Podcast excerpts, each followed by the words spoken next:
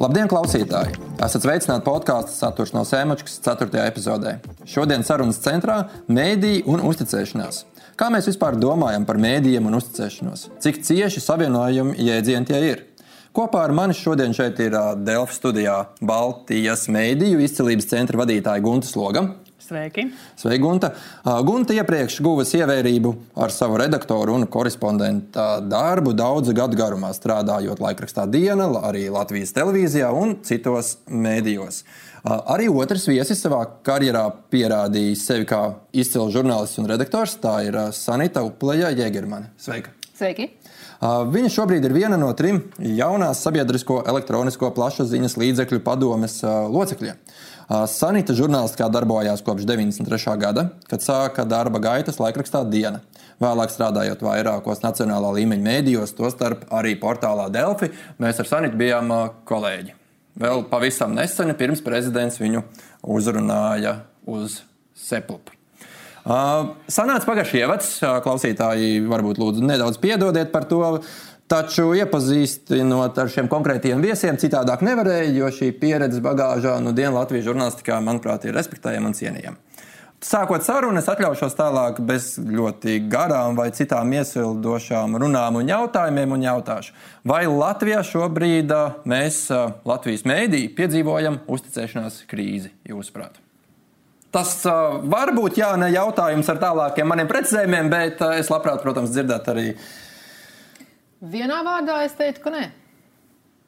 Protams, uzreiz jāprasa, kāpēc. Jo mēs redzam šos te, piemēram, Reuters institūtu vai Nīmenlaba regulāros pētījumus par to, ka visā rietumu civilizācija šobrīd un pasaules mēdī, mēdīju vidē uh, nu, ir šīs bažas un uh, reitingu, nu, uzticēšanās reitingu mazināšanās.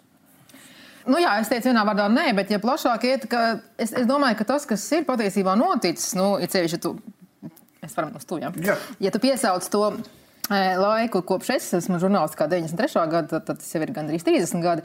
Tad tas, kas ir noticis, ir fragmentācija notikusi. Un tāpēc mums ir tā sajūta, teiksim, nu, piemēram, Delfi un citi portāli ir nākuši klāt.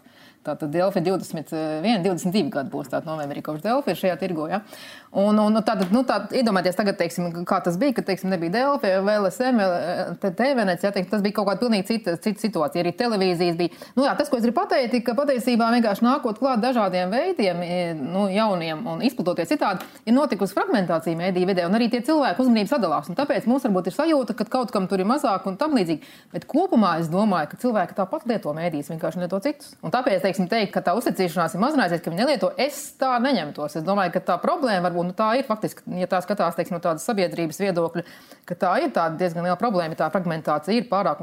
Plus vēl tās divas telpas, nu, divas valodas telpas. Ja?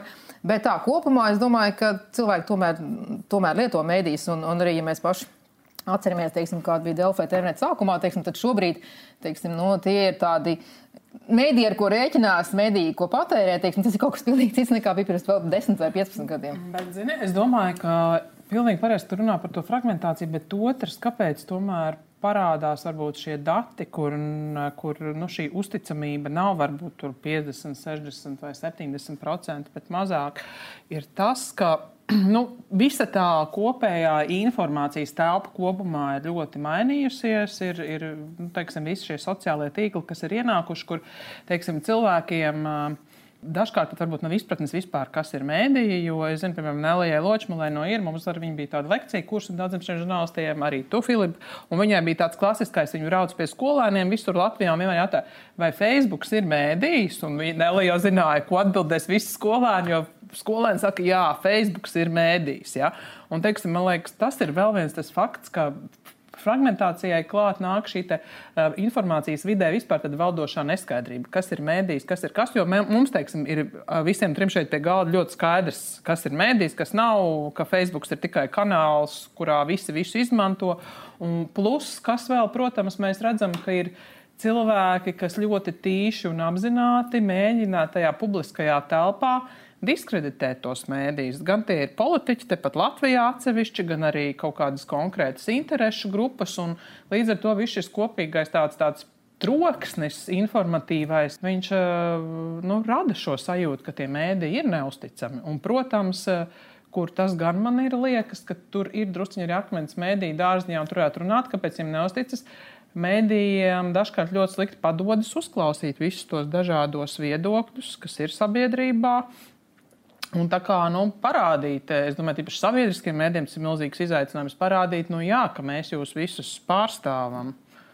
Ir skaidrs, ka šī fragmentācija mēdīņu vidē, protams, ir mainījusies, taču tie skaitļi paši par sevi vienkārši nu, ir tādi, ka nav šie 60 vai pat 50% atsevišķiem mēdījiem, ja mēs mēram uzticēšanos.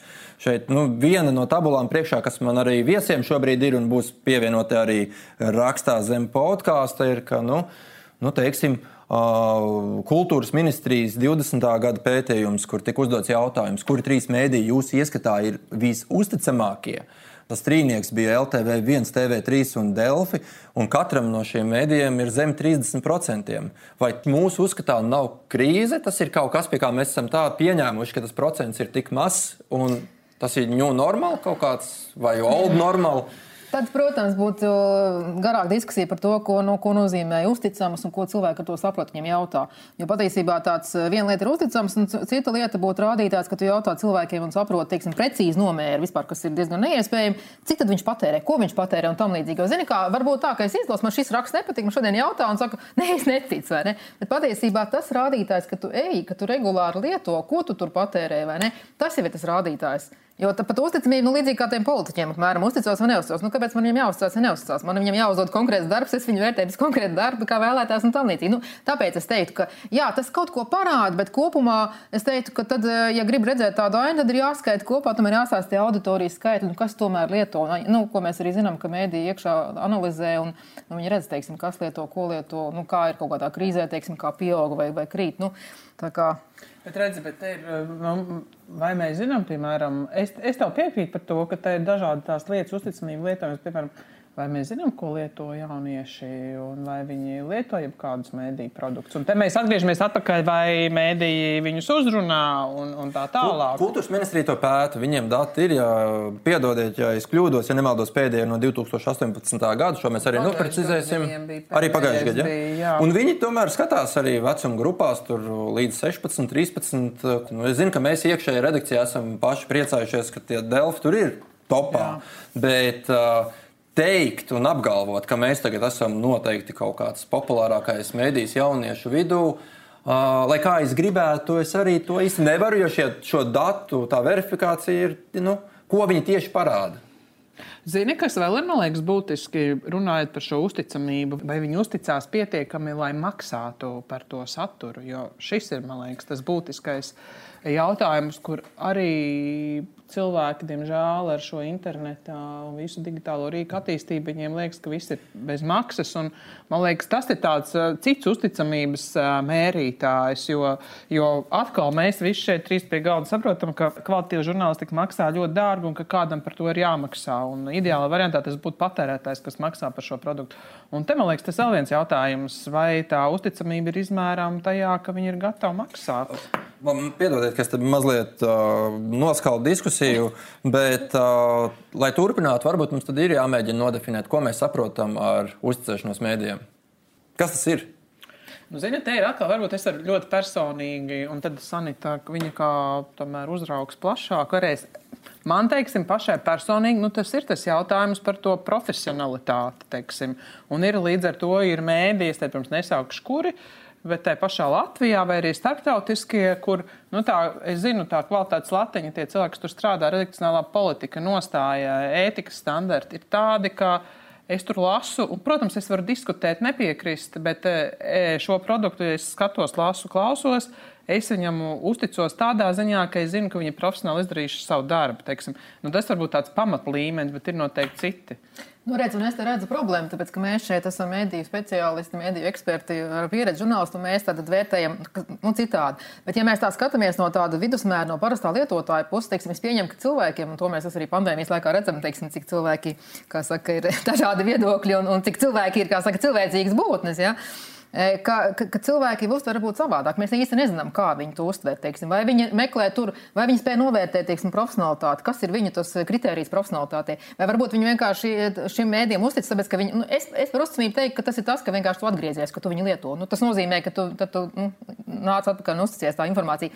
Un tad ir jautājums, vai Vai, teiksim, viņi tur vienkārši meklē, ka tur ir viedoklis, nu, apmēram tur ir tā atlase tāda, nu, kas apmierina manas kaut kādas uzskats. Ja, Bet tas nenozīmē, ka varbūt tās tā ir profesionāla, ka tas varbūt tas ir kvalitīvs. Tā arī var būt. Nu, ar to es gribu pateikt, teiksim, ka tas ir arī tāds diezgan grūti definējams lietas. Un viena lieta, ko ir, teiksim, eksperti varbūt var definēt un, un novērtēt, un, un ko varbūt tās plašākas cilvēku lokus, teiksim, kas ikdienā neiedzinās tādās lietās. Tā kā nu, tas nav tik viegli. Uh, nu, ja man būtu jārezumē, ja mums būtu jārezumē, ko mēs tikko runājam, tad nu, mēs uzskatām, ka nav šīs krīzes. Piedodiet, ka es atkal eju atpakaļ, bet krīze nav. Tas ir tāds varbūt populārs vārds, ko izmantot vienkārši sarunā un debatē par kādu nozari. Es domāju, ka krīze ir, bet krīze ir plašāka. Krīze nav tīri konkrēti tikai uzticamība, bet, bet vispār kā, kā Jo arī uz Latvijas mediju tirgus skatoties, ir, protams, šie lielie spēlētāji, kuriem nu, daudz maz viss ir kārtībā. Tīpaši, kad mēs skatāmies uz mazākiem, šī krīze izpaužas tajā, ka nav sakārtot šie biznesa modeļi, vai arī nav spējas uz viņiem pāriet, nav spējas uh, ieviest jaunus digitālus risinājumus, monetizācijas un tā tālāk, un tā joprojām. Uh, Un līdz ar to tas viss automātiskajā ķēdē nāk, ka nav iespējams tātad, piesaistīt un uzrunāt auditorijas, un tad ieslēdz šis burvju aplis, kur tu netiec no tā ārā. Tādā ziņā krīze ir, un, protams, vēl kur šo krīzi pastiprina, tīpaši atkal tajā informācijas piesārņojuma ziņā ir neprātīgā dezinformācija, kur, kur ir ļoti daudz dažādu Eiropas līmeņa, valsts līmeņa, dažādu programmu, bet īsti mēs arī atkal netikam. Es teiktu, ka šobrīd ir tāda krīze un neizpratne, ko un kā mēdiem darīt, bet tā ir plašāka nekā tikai runāt, ka tā būtu tikai uzticamības krīze. Tā ir drīzāk tāda nu, jautājums, kā, kā visu šo savākt kopā un tomēr virzīties uz priekšu. Ja tu jautā, vai ir krīze tāda, kā, ka, ka jāsasauc krīzes vadības padomu, kā valdības līmenī, es teiktu, ka nav tāda situācija. Bet, nu, kas dzīve ir viss sastāv no, no tādām mazām krīzēm, un tas ir vienkārši risinājums situācijas. Un jebkurā laikā tas bija, kad ienāca, es nezinu, teiksim, tur bija drukātā presa, tad ienāca pirmais, kas tur kino, jā, tad, tad tur radio un kas seko. Tad droši vien vienmēr bija tā situācija, tad internets, nu, ka vienmēr ir kaut kas mainās un kaut kādas. Un tagad arī nu, pēdējo 10, 20 gadu laikā, 10, patiesībā 5 gadu laikā ir tik ļoti mainījusies šī iespēja patērēt šo informāciju. Mēs paši zinām, vai ne? Tagad, jā. Nu, ka vienkārši situācija ir tāda, ka visu laiku ir tāda sajūta, ka mēs skrienam pakaļ kaut kā, bet mēs, mums jāturpina skriet pakaļ. Nav jau citu variantu. Jā. Mums jāskat tam vilcienam skriet mm -hmm. pakaļ. Mm -hmm. uh, nu, Ar uzticēšanos arī mēdz runāt nu, tā salīdzinoši. Un, ja jūs abas atceraties arī nu, žurnālistikas prakses no 90. gadiem, Gunte, varbūt nedaudz mazāk, Sanita jau sāk strādāt 93. gadā. Uh, vai jūs jūtat, ka šobrīd ir kaut kas nu, ļoti mainījies? Par to, kā uzticas mēdījiem. Jo, kā piemēru, var piemēram minēt policiju un bruņotos spēkus, kur 90. gada sākumā tie uzticēšanās reitingi nebija augstākie, taču šobrīd tie bauda vienu no tādām augstākajām uzticēšanās līmeņiem, īpaši policija.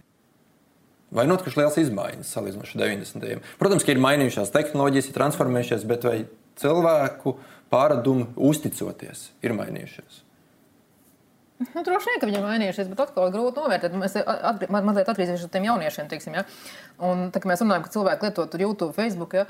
bet tad ir jautājums, ko viņi tur lasa. Viņi brīžiem tur lasa mēdīju saturu patiesībā. Un viņi nemaz neuztver. Viņiem liekas, es to lasīju Facebook, bet patiesībā viņš caur Facebook aizgājis varbūt zem Delfiem, viņš to pievērš uzmanību. Un atkal, tad, tad atkal mēs nevaram nomērīt, ko tieši cilvēki teiksim, nu, patērē un cik viņi patērē. Jo es atceros, ka bija pirms desmit gadiem, tad, tad 11. gadā, kad bija Krājbankas krīze, bija kaut kāda diskusija, kur televīzijā un tad par jauniešiem. Un tad viņš teica, es saku, nestos to panorāmu, es skatos eh, YouTube, tur, tur. Un tad viņš saka, ka tikai apmēram, nu, ka tur, jā, tā krājbanka. Tad viņš patiesībā izrādās, ka viņš meklē YouTube panorāmas sižetu par, par krājbankas. Tad, nu, atkal viņš skatās, ka viņš neuzticās, bet patiesībā krīzes brīdī viņš saprot, ka, ka tas ir kaut kāds rādītājs, kur jāiet meklēt. Viņš to meklē par, par citu kaut kādu kanālu. Nu, jā, kā. Nu, tas ir tas, kur varbūt ir tas, ko Sanita jau pašā sākumā minēja, tā fragmentizācija. Varbūt nu, tajos laikos tomēr Es 96. ienācu kā pirmā, gada, pirmā kursa students dienā. Ja? Tā kā gandrīz. Ja. Es kā otrā. Jūs tur, jūs tur. Jā. jā. Vai jūs abas mācījāties vienā skolā? Jā, jā, jā. Augstskolā pēc tam arī vienā? Nē, nē, nē. Tur mēs ah, kultūras akadēmijā, jā, mēs tā kā, jā, paralēli dzīves rit. Tajos sliktajos oligarhu laikos viņiem bija trīs lielie ļaunumi - diena, dēlna, televīzija. Tāds arī viņiem bija tas, nu. Par kuru laiku šobrīd runā? Par... E, 2000. gadu sākums. Mm -hmm. Div, nu, tā kā 2000. 2000. Nu, Līdz 2000... 2002. gadam, kad jaunais laiks ienāca, tas sāk apkarot. Nu, jā, sāk apkarot. Un viņiem bija tas diena, dāma televīzija, tie bija trīs ļaunie, un tas bija tas, ka, nu, teiksim, uh, nu, politiķiem nostīties panorāmā vai dienā, kad ir par viņu kaut kas slikts, viņš pie, bija vairāk nobijies nekā tagad. Tagad, iespējams, viņš vairāk nobijies no Twitter. Es nezinu. Nu, Drusku, protams, ir mainījies ne tikai tas, no kā kuram bail, bet varbūt, ka bija vairāk tāda lielāka koncentrācija nu, tajos mēdījos, kas tiešām bija nu, tādi ietekmīgi un kas varēja mainīt. Tagad ir tā, ka, nu, tiešām tāds vairāk viss izplūdis un tādi vairākas tās saliņas. Nu jā, un te par to ietekmi, teiksim, es atceros dienu, protams, tajā laikā, 90. gados bija ļoti ietekmīgi, un tā visur arī, nu, kā žurnālistu veids, visur dzirdi. Un tāpat laikā arī bija tā pretēji, kam nepatīk, tad tu arī dabūji dzirdēt, ko viņi domā jā. par to. Bet, ja mēs paskatāmies eh, uz tiem skaitļiem, teiksim, uz tirāžu dienas, ja, tad viņi faktiski, man liekas, nekad darbdienās nepārsniedz 60 tūkstošus, un, un, nu, tur, laikam, sestdienas, sestdienas 80, bet tos 100 tūkstošus, ko vadība centās, teiksim, nu, tur, lai sasniegtu kā jaunākās ziņas, kā reiz nekad nesasniedz. Ja. Bet, un tad mēs paskatāmies, kas tad ir 60, 80 tūkstoši tūkstoši Latvijas iedzīvotāji. Teiksim, nu, tas nekas baigi daudz nav. Tāpēc tā ietekme, tā, protams, tā, nu, auditorija avīzes rēķina tā, ka tu tur izlasi vienu eksemplāru vairāk. Mm -hmm. Bet pat, pat tad, teiksim, jā, tad, tad tā ietekme varbūt brīžiem ir nu, tā, tā, tas, tas uztvers jautājums. Viņa liekas lielāka. Nu, protams, ja tu ietekmē eliti, ne, tad tas jau kaut ko nozīmē. Tad tu ietekmē situāciju valstī. Varbūt, nu, jā, ka tie skaitliski, tas patēriņš varbūt ir mazliet citādāks. Tā reālā ietekme nekā varbūt tā uztveramāka liekas. Nu, jā, un tagad, teiksim, arī tāpēc es neesmu tik pesimistiski noskaņot, teiksim, tagad, ka liekas, nu, nav tāda kaut kāda viena mēdīja, varbūt nu, kā diena toreiz vai kas. Bet tāpat laikā, ja paskatāmies uz skaitļus, ka cilvēki lieto, nu, tas nozīmē, ka viņi nedzīvo bez informācijas, nezinu, nu, jā. Nu, te ir zinīgi, arī tas otrs jautājums, vēl, ko man pašai to vārdu nepatīk visur lietot eh, par mēdīju pratību.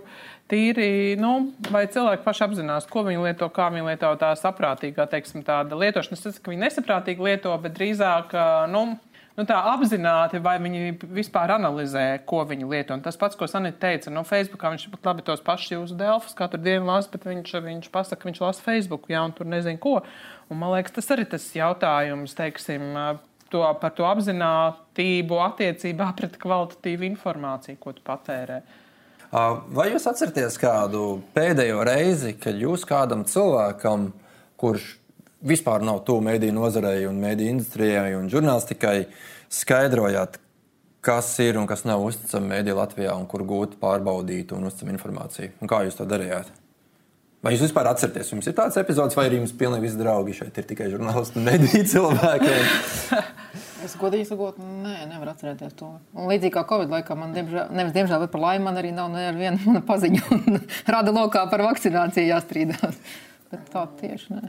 Gunte vēl domā? Man bija zini kā, bet, bet, bet tas ir viņa, es tur kā teikt, esmu saņem iemācījusi, nu, protams, pēdiņās vecākiem kādu mediju lietojumu, bet man mammai, kad viņa pirmo reizi tika pie viena tālruņa, Viņai bija tā, ka tur, es nezinu, manā Androidā, tur kaut kā tajā Androidā kaut kas rādījās. Arī visu, viņa attaisīja vaļā to pārlūku, un tur rādījās viss kaut kas, un tur rādījās arī kaut kas dzeltens, un, un, un ne, maigi sakot, nesaprotams. Dažkārt bija, ka tur, saka, es tur izlasīju, es saku, kas tieši bija, jā, es atceros, ka es to, bet nu, tagad tas viss pārgājis. Un, tā, bet, nu, teiksim, jā, nu, tas ir, man liekas, varbūt arī bija vēl kādiem, kad, kas tad ir tas avots, kur tu izlasīji, kas to teica, un, teiksim, nu, Man liekas, tas būtu katram kā, cilvēkam jābūt tai pamatprasmei. Nu, jau tajā skolā iekšā, ka, ka vienkārši nu, mums patīk to saukt par kritisko domāšanu vai ko, bet nu, tu saproti, kas, ka, kas, nu, kas tas ir par avotu vispār.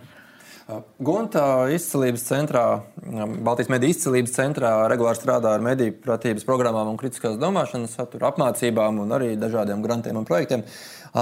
Tava pieredze, dodoties un strādājot ar skolēniem un jauniešiem, kas ir problemātiskāk, tie jaunieši vai skolotāji?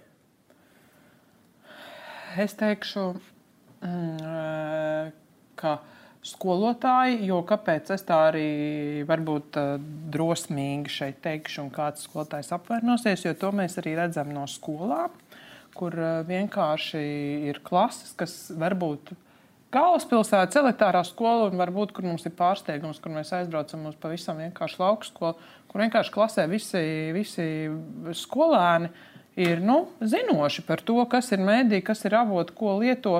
Jo patiesībā jau viņi arī diezgan labi saprot, izšķir, ka influenceriem ir eh, pirktais, maksātais saturs un tā tālāk. Tā, ko tādas visādas lietas, kur viņi ļoti labi patiesībā paši māk izvērtēt. Un, Un tad tu redzi, ka patiesībā tur, kur jau skolā ir kaut kādā veidā, vai tur caur sociālām zinībām, vai nezinu, literatūru vai ko, jau ir kaut kādas tādas pamatprasmes ieliktas, viņiem ir. Bet, protams, ar skolotājiem ir, ir nu, dažbrīd, dažbrīd uh, problēmas. Mhm. Nu, plus mīnus man ir ļoti līdzīgas arī pieredzes un pārdomas par to, ka nu, jaunieši īpaši nu, vidusskolā, kad jau sāc saprast, kas ir mēdīte aktīvāk un mm -hmm. patērē ziņas, bieži kritiskāk izvērtē informāciju nekā daudz vietu skolotāji. Protams, ne visur. Bet es, es redzu, ka Sanitai kaut kas sakāms, es tev gribu dot uzreiz vārdu. Nē, nu es te gribu vienkārši ieturpināt, nu, pastamies vienkārši uz to laiku. Nu, teiksim, tie jaunieši ir uzauguši, tomēr, demok... kā nebūtu, kā mēs paši ne, ne, katru dienu nesūdzētos, kā mums Latvija iet, bet tā ir demokrātiska, nu, laikā uzaugus paudze. Un tie skolotāji daudz, nu, līdzīgi, teiksim, nu, es beidzu 91. gadā vidusskolu, teiksim, tad, tad tā nebija brīva, ka mēs mācījāmies vidusskolā Latviju, un tad viņi bija brīvi. Un ir skolotāji manā vecumā, vecāki par mani. Es varu saprast, kāpēc cilvēki, kas nav uzauguši un dzīvojuši, ja tas nav, kā saka, asinīs, varbūt būt citādākas arī attieksmes. Kropļojoša pieredze par to, kas ir mēdīja no padomju laikiem. Nu, līdzīgi kā mēs runājam par arotbiedrībām, kāpēc Latvijā tās ir ļoti bieži vājas. Un, un 90. gadu sākumā jau tu netici. Vienkārši pa vēl varbūt tās jau kaut ko apgūt vai nevar vairs, tas ieradums ir nu, kaut kāds pārāk spēcīgs. Jā. Pēdējā gada jautājums, pēdējā pusgada īpaši ir nu, tuvajās saimnes vēlēšanas. Uh, vairākas uh, jaunas uh, partijas, nesaucoties vārdā, regulāri savā kampaņā šobrīd izmanto lozungus, sakot, ka mēdī ir varas rupors. Un tāpēc viņiem nevar uzticēties.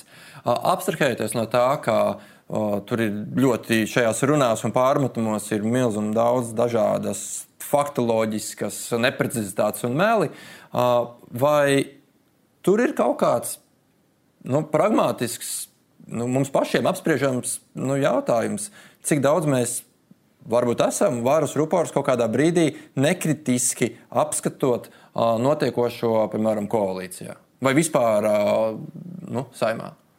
Vai tam ir pamats par to runāt? Nu, es domāju, ka tas par to varas upuru lielā mērā ir protams, izpaudies no tās Covid krīzes, kur, kur ir skaidrs, ka ņemot vērā nu, visu mēdīju būtību un visi viņi, protams, ir. Uh, par visu ziņojuši. Plus, teiksim, skaidrs, ka, ka mēdījiem ir nu, jāstāsta arī par vakcināciju. Viņi nestāstīs par visiem, es atvainojos, antivakcēnu murgiem, jo ir kaut kāda robeža, kur pat, ja, kā es iepriekš teicu, ka jābūt viedokļu dažādībai, kur tomēr kaut kādas sarkanās līnijas kaut nepārkāp. Uh, kā, bet, bet man liekas, tas galvenais, kur ir vai mēdīja pietiekami izdara, un man liekas, dažkārt neizdara tai pašā Covid lietā, kur, manuprāt, ļoti retos gadījumos, ko mēdīja darbiem, tas ir tā saucamā skaidrojošā žurnālistika. Un, un, protams, vistrakākajiem antivakseriem vienalga tas viss būs nepareizi, bet, piemēram, nu, pēc iespējas skaidrot tās vakcīnu blaknes, pēc iespējas skaidrot, noskaidrot tos iespējamos nāves gadījumus un tā tālāk, teiksim, Tas ir tas, kur varbūt es varētu atrast to vienu mazo graudiņu, kur ir eh, kā, pat tā kā racionāls pamats tam, kāpēc varētu būt kaut kāda pārmetuma mēdījiem. Bet citādāk, protams, tas ir vienkārši nu, klasiskās uh, sazvērstību teorijas, ko viņi šobrīd nu, tā ir forši visu tā salikt vienā bumbā un pret to vērsties. Nu, ko nozīmē varas rupors? Nu, tad vēlēšanas paies, un mēs redzēsim, cik daudz cilvēku tiešām arī nu, uzskata un tā domā, tad, cik būs atbalstītāji šādiem politiķiem. Bet nu, es pat arī tad, tad pavadīju Delfos divus gadus, un nu, lielākajā laikā no tā teiksim, iekrita Covid krīzes laikā, teiksim, sadot valdību un saimu. Un, protams, es, es redzēju tos apstākļus, es arī sapratu. Un es ļoti daudz laika veltīju vienkārši tāpēc, ka ļoti daudz darba. Kāpēc? Tāpēc, ka bija faktiski tāda nu, ārkārtas apstākļi, tāda varētu teikt, gan kara apstākļi, ka tā valdība gan katru dienu un reizi divās dienās pieņem lēmumus, kas cilvēku dzīvi ietekmē nu, ļoti, ļoti nu, stipri. Tas nozīmē, ka tu nevari neziņot. Un, ja kāds to sauc par varas rupu, un es atvainojos, tad iedomājieties, kā būtu kaut kādā pasaules kara laikā, apmēram, kad, kad valdība apmēram, kaut ko dara, tur, nu, un, un tad viņi ziņo par to. Un mēs teiktu, nē, nē, to nav jēgas, to, to nevajag. Apmēram, nē, mēs to nepārādīsim. Tas ir vara kaut ko tur vēl šeit. Nu? Nu, bet, mēs neesam, nu? bet mēs neesam ne otrajā pasaules karā. Bet mēs, jā, Covid laikā, un tas, ko Gunter teica, kas varbūt ir, nu, tas Covid laiks ir īpašs, teiksim, un par to jau arī tagad viņi, teiksim, ir tā, tā saka, ka tas var supās, bet es neiedomājos, kā mēdī varētu neatspoguļot to, kas notiek valdībā un saimā, tie lēmumi, kas tiešām ļoti ietekmē mūsu dzīvi. Plus es neteiktu, ka nav tā, ka neviens nekritizē, ka, ka nevērtē. Nu, tā tas nav. Ja paši, nu, okay, es mēģināšu tādu tehniski noraksturot vēl tādu piemēru. Tas attiecās uz sabiedrisko mēdīju kanāliem, uz del, portāliem, Delfi, TV, nu, principā lieliem nacionālajiem, vairākiem lieliem mēdījiem. Ka, uh, Tad, kad bija šīs sākās vispār Covid-19 uzliesmojumi, parādījās vispār 19. gada pavasarī šīs preses konferences, kā sākās, tā viņas aizvien turpinās. Un mēs viņus strīmojam, translējam vienu pēc otras. Īpaši sākuma posmā, bet nu, aizvien arī vald, valdības garās sēdes. Un, un tas īstenībā ir, taču, nu, tas ir tāds kā no starp pakalpojums gandrīz, jo tur ir gan šī, te, protams, informēšana, bet šī informēšana ir kāda? Tā ir no ministra kabineta vai no saimnes vai no kādas institūcijas, pat taisno uz auditoriju. Tur jau tālāk mūsu vidus darbs daudzos gadījumos iespējams ir iztrūkstošs. Mēs, vai nav tā, ka mēs esam iedavuši kaut kādu uzticēšanās kredītu, strīmojot visas preses pēc kārtas, ko vien ministra kabinets, veselības ministrija vai SPKC, piemēram, var rīkot? Uh, nu, piemirstot par kaut kādu līdzsvaru tam. Cik daudz no tā mēs nu, varbūt, nu, precīzi nofakčakojam, pārbaudām. Es domāju, ka nē. Protams, dažiem beigsies krīze, un tas arī dažiem pāries nebūs daudz tādas preses konferences. Bet patiesībā es tur redzu pat tādu labumu sabiedrībai. Jo tad, kad parastos laikos ir kā žurnālists vienkārši uztaisīja sižetu, uzraksta nu, to, ko viņš uzskata par svarīgu, teiksim, no, vai, vai, vai sižetu, vai uzraksta rakstu un tam līdzīgi. Un, un cilvēki nemaz varbūt tās nezina, bet tagad, pateicoties šīm tiešraidēm, faktiski tu, tu redzi tos politiķus, tu jau redzi viņas darbībā. Tas skatītājs, viņš redz, kā viņš reaģē uz to jautājumu, kā viņš neatbild, piemēram, ko viņš saka, kā viņš tur nervozē vēl kaut ko. Tas patiesībā, ja tas cilvēks ir tāds rūpīgs, vērīgs un, un tāds vērtētājs, viņam tas patiesībā palīdz. Kā aktīvam pilsonim, kā vēlētājam, tas varētu arī nākt par labu. Tas ir tāds papildus, bet, protams, eh, starp citu, Filip, ja tu saki, tiešraides tiek laistas, jā, bet pēc viņām tomēr vienmēr ir aprakstīts arī, nu, ir arī ziņas. Nav tā, ka pilnīgi nefiltrē, tomēr raksta par no pasākumiem arī ziņas. Un tā skaitā, ja tur ir kaut kāda papildu jautājuma rodas, tad, teiksim, to arī nu, tālāk analizē un, un raksta. Jā, šīs ziņas daudz mm, bieži ir, o, taču nu, tās arī bieži mums ir deskriptīvas, informatīvas. Nu, viņas eh, paziņo par to, kas ir noticis preses konferencē. Redzi, te, ir, te ir jautājums, kur, eh, protams, tagad viss ir druskuļi vieglāk un atjaunojies. Bet... Vislielākajā šajā Covid eh, laikā jau žurnālisti īsti netika klāt pie, pie politiķiem uzdot šos papildu jautājumus, vai vienkārši pieiet klāt neoficiāli aprunāties, kas ir milzīga daļa žurnālistu darba. Un, un bija tur pat tās preses konferences, kas tur bija smiek, no smieklīgas tādā ziņā, ka žurnālisti kaut ko jautā, Un es pilnīgi saprotu, ka tas pressekretārs tiešām viņu nedzird, jo ir nu, tehniski nesaslēgšanās, bet sanāk nu, tāds pilnīgs. Aptuveni katrs sēž kaut kur un kaut ko runā. Un ka vienkārši tas elementārais žurnālists darbs netiek darīts, tas man liekas pat bija vēl būtiskāk nekā e, ko un kur translēja, vai pēc tam žurnālists arī uztaisīja to kvalitīvo analītisko rakstu. Nu jā, bet eh, pie, piebilstot vēl, mm, ka saka, nu, pandēmijas laikā daudz cilvēku nevar darīt. Es pie, pilnīgi piekrītu, es jau ar to ļoti labi izjūtu, teiksim, ka tu nevari teiksim, tur tik klāt, bet nu, tie apstākļi bija tādi, kā viņi jā. bija. Un tagad, protams, nav vairs attaisnojumi, kāpēc neiet uz saimnu žurnālistiem, ja, ja viņi var tur tik klāt, kāpēc neiet ministrs kabinetu. Nu, kāpēc šo visu prasu? Jo tas man, es domājot par šo uzticēšanos, cik daudz mūsu lasītāju vai skatītāju vai klausītāju atverot teiksim, portālu, vienalga kuru, vai atverot televīziju un redzot šo te, teiksim, Daniela Pavļotu vai Krišēnu Kariņu uzrunu, nu, novērtē to, ka, jā, re, kur es dzirdu šo informāciju, un cik daudziem šī neziņa milzīgā par to ir tik liela, ka tas raisa tikai tādu sajūtu, ka tā iespējams ir vienādības zīme starp šo mēdīju un šo translēto politiķu. Domāju, ka nevajag lietotāju novērtēt par zemu. Cilvēki jau spēja nošķirt. Es domāju, ka tur ir. Viņi spēja nošķirt, viņi ir atvēruši portālu, viņi atvēruši ministra kabineta mājaslapu. Kur viņi okay. skatās. Jo, jo tomēr tagad varbūt priekš tevis izklausīsies kaut kā aroganti vai kā, bet nu, Delfi pārēd visu kaut ko. Viņi katru dienu pārēd ļoti daudz visa kā, un, un, un teiksim, nu, tur katrs var izvēlēties. Tu vari tur arī, es nezinu, vai bija un par truškopību, bet nu, tā ļoti vispār nesakot, bet tu vari arī izvēlēties par truškopīgi skatīties preses konferences. Tev nav jāstāsta pavļut preses konferences. Mm -hmm. Kā, es domāju, tādā ziņā jūs arī piedāvājat pietiekami lielu dažādību tieši raidēs. Nu, Jā, jo tas viss, man liekas, noved arī pie tā, ka liela sabiedrības daļa krīžu laikā, nu, ja mēs runājam par pandēmiju, nu, viņi ir bezspēcīgi. Cilvēki nezina, kā tālāk rīkoties, un tas ir dabiski. Tas neatiecās tikai uz nezinu, vienkārši patērētāju, arī nu, pašu žurnālistu. Mēs daudz nezinām, kā rīkoties. Un, tālāk ir mēdīji, kuri mēģina dot kaut kādu šo virzību, kā tālāk vajadzētu rīkoties, kā palīdzēt, piemēram, kaut kādas problēmas risināt. Un, Un, ja ir šī milzīgā neziņa, vai tas viņiem tad, nu, nu, neasociējas kādā brīdī ar kaut kādu nu, izdegunību vai aroganci. Es par to ļoti bieži domāju, par to, kurā brīdī mēs nepazūdam kaut kādā savā burbulī, domājot par to, kas cilvēkiem ir būtisks, ko viņam zināt.